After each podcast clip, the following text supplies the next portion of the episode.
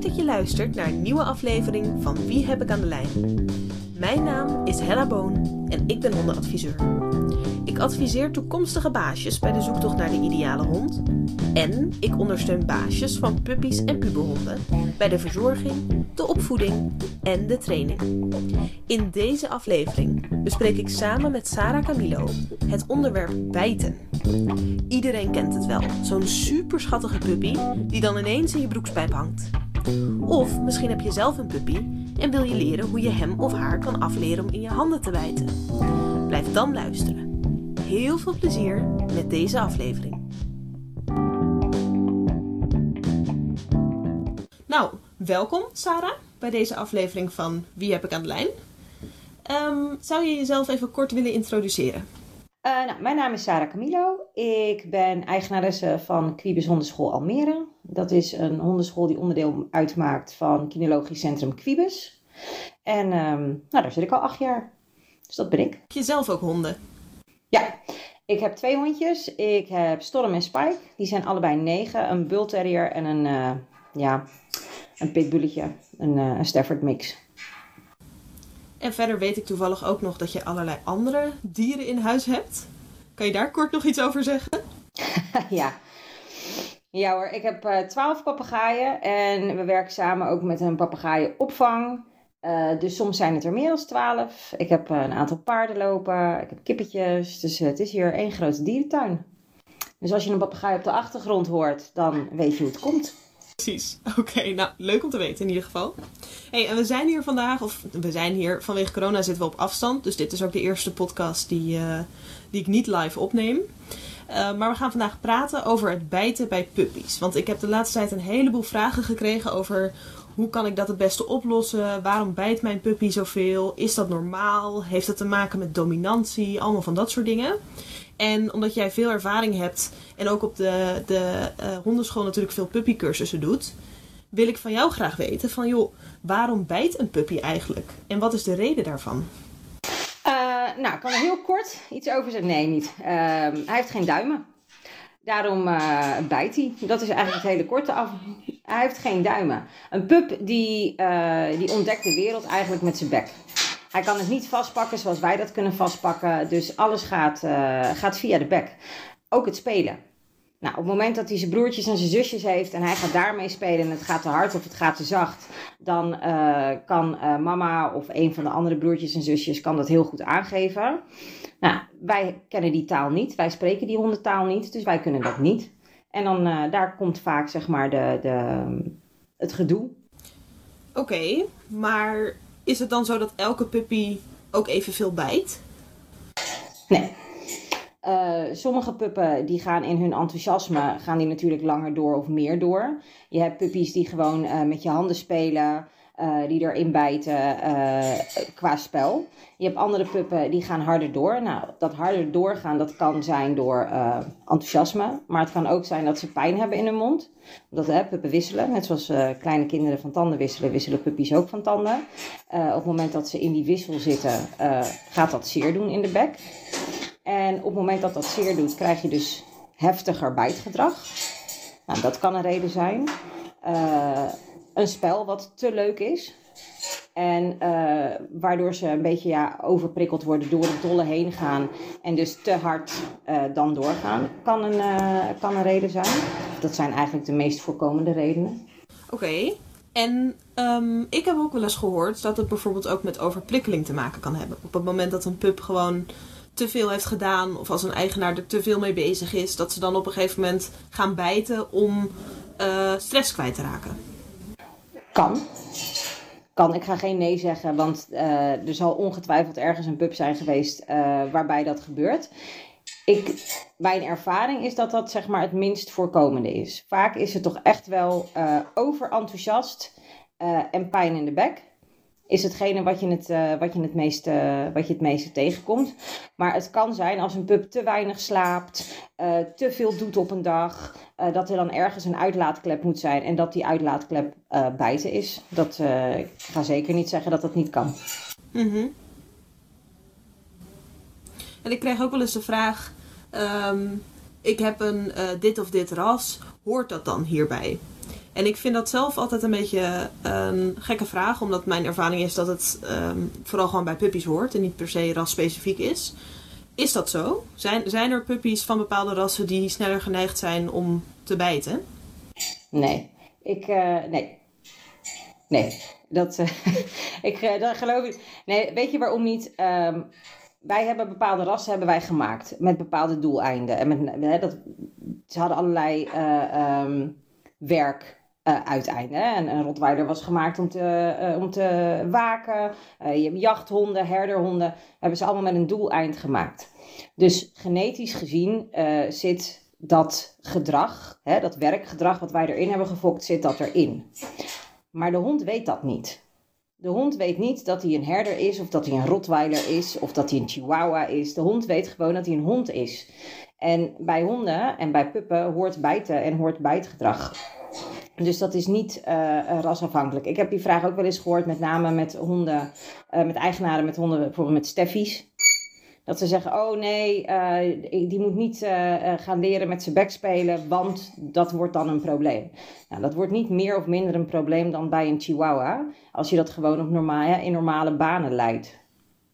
Hè, dat, dat puppybijtgedrag. Dus, dat, dus nee. Ja, oh, dan wil ik ook meteen even een uitstapje maken naar vroeger. Want um, als we kijken naar wat we geleerd krijgen van onze ouders, bijvoorbeeld hè, als een hond gaat bijten, dan geef je hem een tik op zijn neus. Of je zegt heel hard auw. Of uh, je duwt een puppy weg. Weet jij wat men vroeger deed vanuit de training, zeg maar? Wat werd er vroeger aangeraden om puppybijten af te leren? En is dat effectief? Vroeger. Uh, nou, wat jij al noemde, hè, die, tik op de neus. En het, het, het heel hard roepen. Kijk, je kan van alles kan je doen. En um, honden weten niet wat dat betekent. Op het moment dat jij auw roept, uh, omdat jij pijn hebt, heeft de hond geen idee wat auw betekent. Uh, of op het moment dat jij tegen een puppy zegt niet doen of nee, dan weet de pup niet wat dat betekent. Dat, dat, is, uh, dat, dat snapt hij niet. Hij, hij spreekt onze taal niet. Maar op het moment dat jij betekenis gaat geven aan het gedrag, dus op het moment dat jij auw zegt en bijvoorbeeld opstaat en wegloopt en het spel dus stopt en dat consequent doet, dan gaat de hond denken: hé, hey, wacht even, als zij auw roept, dan stopt het. Dat was niet de bedoeling.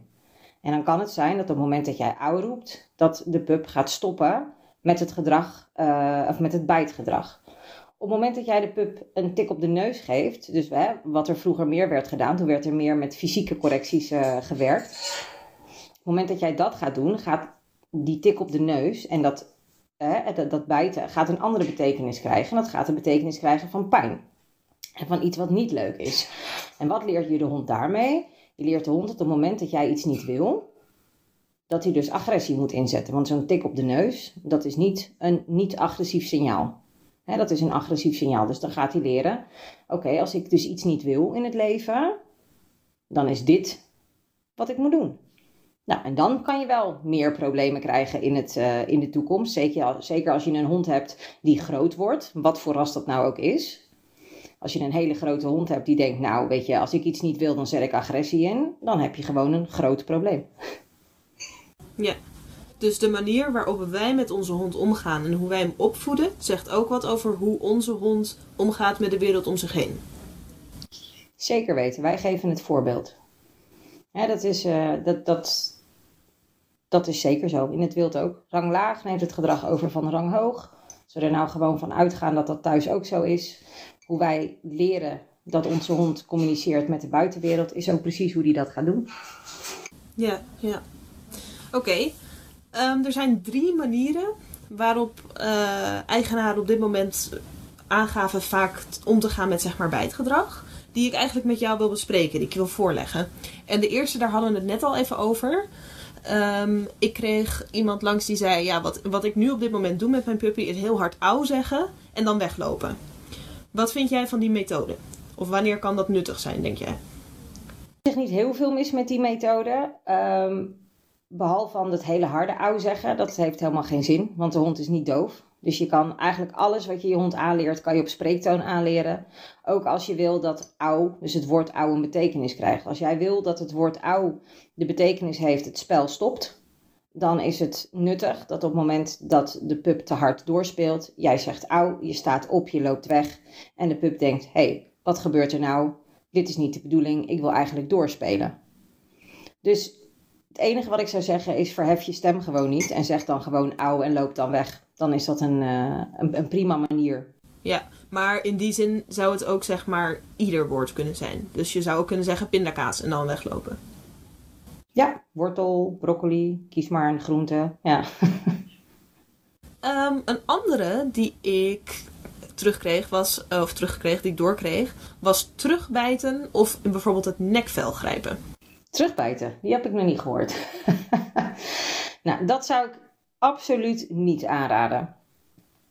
Uh, en waarom niet? Uh, eigenlijk wat ik net al, heeft, uh, net al zei, is op het moment dat wij de honden gaan leren en het voorbeeld gaan geven dat we met agressie dingen voor elkaar gaan krijgen in de wereld, dan is dat de manier waarop de hond het gaat overnemen.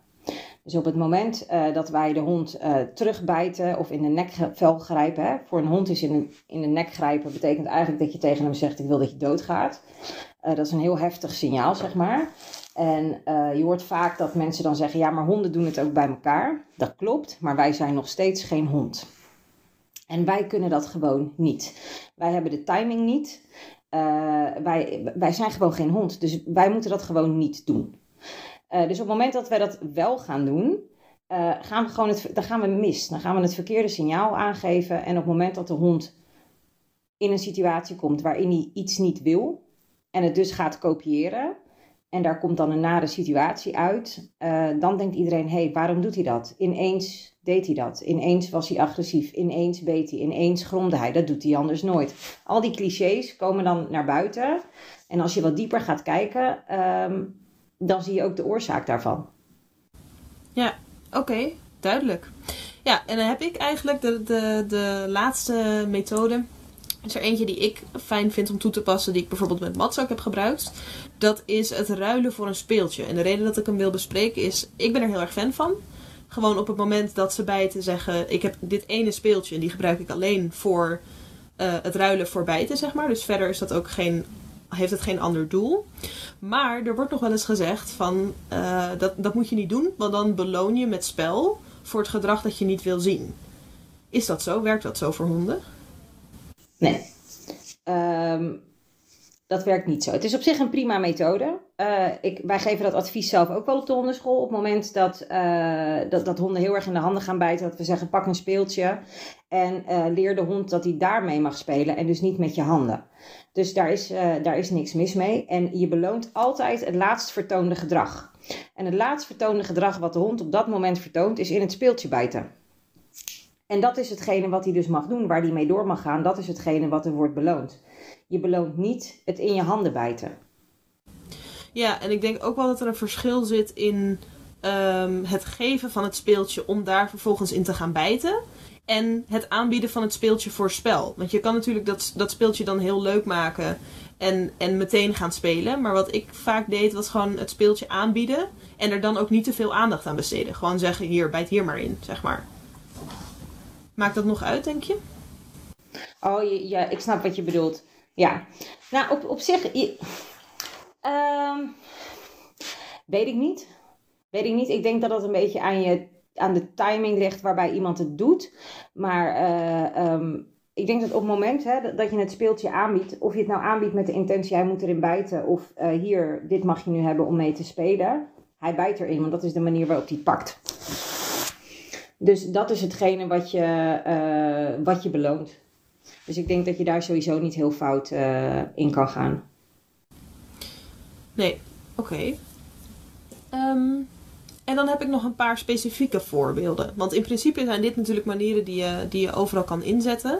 En over het algemeen vinden eigenaren het best wel makkelijk om dat dan op zichzelf te betrekken. Als mijn puppy mij bijt, dan doe ik dit of dit. Maar wat nou als een puppy de kinderen bijt? Wat kan je dan doen? Dus stel jij komt een, een ruimte ingelopen en uh, je ziet dat uh, de hond en kind, uh, of puppy en kind, die zijn in een soort worsteling verwikkeld. Hoe moet je, dat, hoe moet je daarmee omgaan? Uh, nou, het is het makkelijkste om de kinderen, en het is natuurlijk afhankelijk van welke leeftijd uh, uh, de kinderen hebben, maar ik heb zelf ook kinderen. Ik heb, klein, ik heb een kleinkind en ik heb een, ik heb een puber.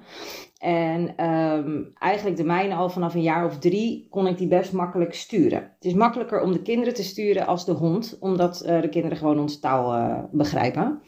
Maar op het moment dat je een kind in huis hebt en je hebt een pup in huis en die pup die gaat te hard uh, met dat kind spelen, dan kan je hem eigenlijk hetzelfde zeggen. Sta op, loop weg. En dat is een hele goede manier uh, om het te doen. Uh, is het kind nog te klein daarvoor en kan hij dat nog niet zelf, dan moet je zelf iets doen. Nou, dan kan je de pup bijvoorbeeld bij de halsband pakken, niks zeggen, gewoon rustig met, zich mee, met je meenemen en daar bijvoorbeeld iets anders aanbieden dat hij kan gaan doen. Dat is een manier. Nou, als je puppies hebt die continu teruggaan naar dat kind, hè, dus je haalt hem weg daarbij, uh, uh, je geeft het signaal dat hij dat dus niet mag doen door hem daarbij weg te halen, maar die pup die gaat weer terug en die gaat weer terug en die gaat weer terug. Nou, dan zou je bijvoorbeeld kunnen gaan werken met time-outs, dus met de bench. En um, wat absoluut geen strafplek mag zijn. Want de bench is altijd leuk en, uh, en nooit iets negatiefs. Vandaar dat ik altijd als advies geef, zeg gewoon niks. Als je dit gaat doen, niet zeggen, jeetje, potverdorie Pipo, waarom heb je dit nou weer gedaan?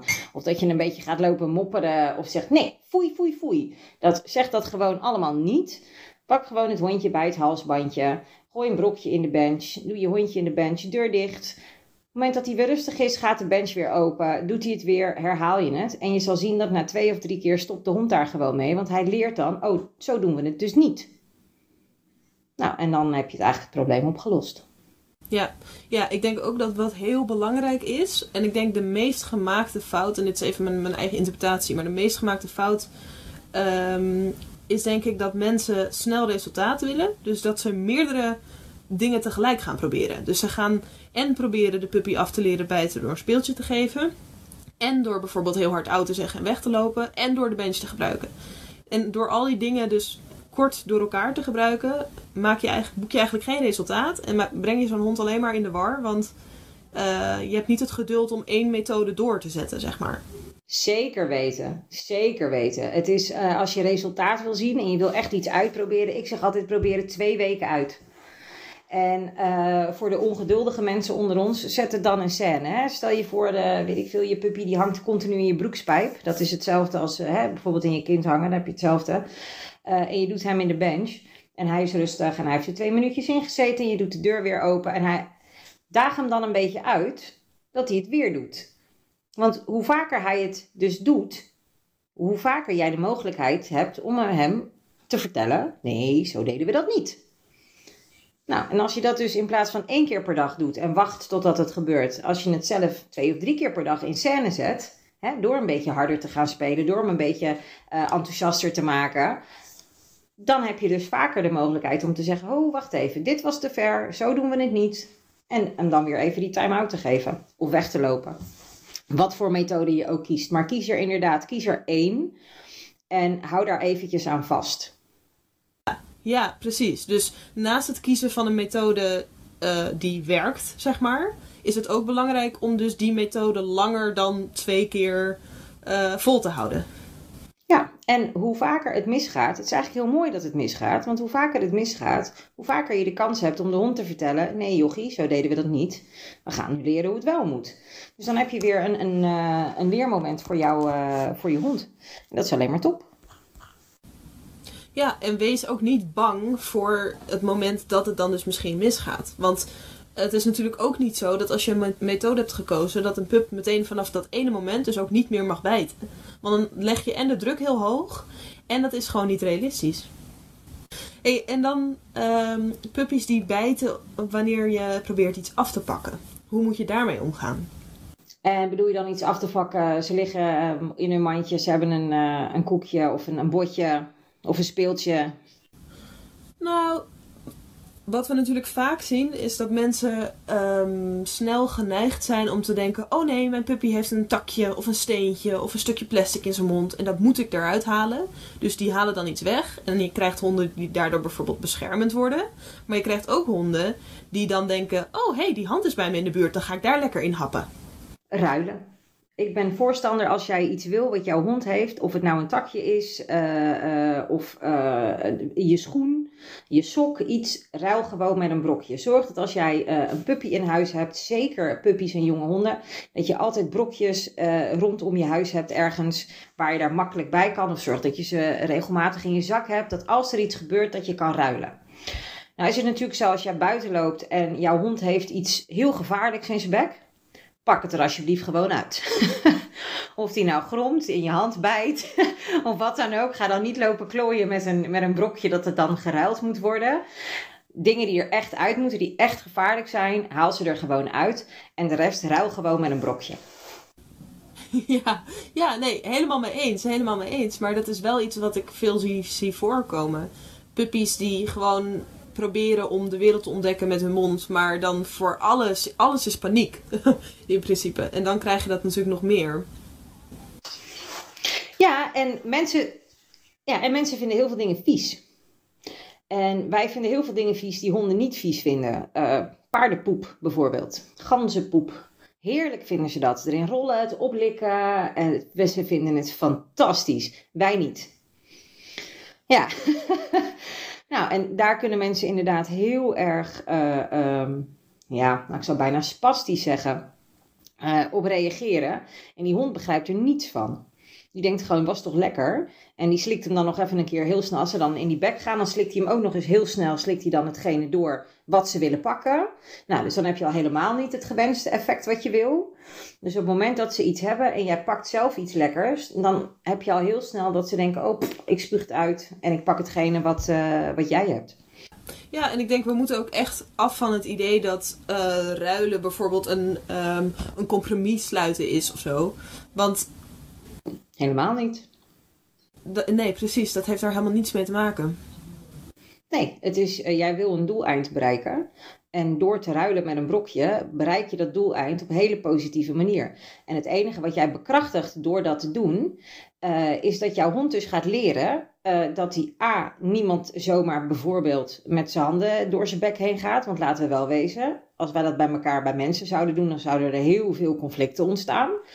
Hè?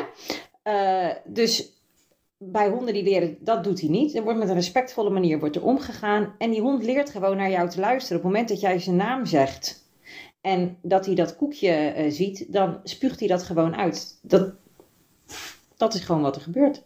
Dat is simpel. dus, of tenminste, dat is simpel. Dat is de simpelste manier, dat wil ik zeggen. Dat is de simpelste manier om je doeleind uh, te bereiken op een positieve manier.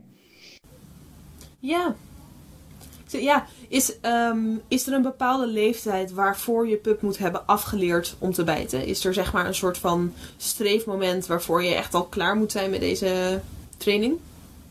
Nee, het is, uh, bij puppen is het echt een fase waarbij, het, uh, uh, waarbij hè, je, je, neemt puppy in huis. Vaak zijn ze dan nog veel slapen, niet zo heel actief. En dan zie je een soort golf opkomen waarbij de activiteit ook helemaal woehoe omhoog gaat. En daar gebeurt het het meest. Dus in, in, totdat ze eigenlijk alles hebben gewisseld, is het ook het ergst, is het ook het pijnlijkst. Want die puppytanden zijn ook ontzettend scherp. Dus uh, op de hondenschool merken we dat ook. Dat is wanneer de meeste klachten rondom bijten uh, uh, voorkomen. Nou, op het moment dat, dat ze klaar zijn met wisselen, um, ja, dan worden het jonge honden. En eigenlijk zie je bij het grootste gedeelte van de honden, zie je dat, dat gedrag zie je afnemen dat ergens binnen het eerste jaar zie je dat het steeds minder wordt, minder wordt. En mensen praten er op een gegeven moment niet meer over, omdat het gewoon zo weinig voorkomt. Uh, dat ze op die handen gaan. Dan, dan vinden ze heel andere dingen gaan ze interessant vinden. Ja, ja. Oké, dus dan conclusie over puppybijten? Nou, de conclusie is gewoon, het, het, is, heel, het is normaal. Uh, jouw hond bijt niet meer als, uh, uh, of jouw pup bijt niet meer als, als wat een andere pup doet. het heeft te maken met wisselen, het heeft te maken met de wereld ontdekken, het heeft te maken met contact met jou zoeken. nou, het is voor ons niet altijd even prettig. En um, ja, het makkelijkste om het af te leren of om het te minderen in ieder geval, is door consequent een methode te kiezen en daaraan vast te houden. Zijn het opstaan en weglopen en het spel te stoppen. Uh, zijn het uh, een speeltje aanbieden um, dat daar wel uh, mee gespeeld kan worden. Zijn het een time-out geven in de bench omdat het te veel is. Kies er één en hou daaraan vast. Oké, okay, nou, ik wil je super bedanken voor deze podcast. Nou, graag gedaan. En ik hoop dat we elkaar binnenkort gauw weer een keer in het echt kunnen zien. Ja, dat hoop ik ook. Ik hoop dat, uh, dat deze lockdown en uh, avondklok en weet ik veel wat allemaal effect heeft. Uh, dat we allemaal weer, weer gewoon normaal kunnen doen. Oké, dankjewel. Dat was hem alweer. Dat was de aflevering over het bijtgedrag bij puppies. Ik hoop dat jullie het leuk vonden. Ik hoop dat jullie het uh, informatief vonden. En heb je nou vragen of heb je opmerkingen over deze aflevering of over de podcast in het algemeen, dan kan je die altijd sturen naar hella.hellashondenadvies.nl. Um, ehm, heb je deze aflevering geluisterd, dan kun je hem ook delen op Instagram in je stories. Um, en tag mij daar even in, hellashondenadvies. En verder um, kom ik snel terug met nieuwe afleveringen. Dus tot dan.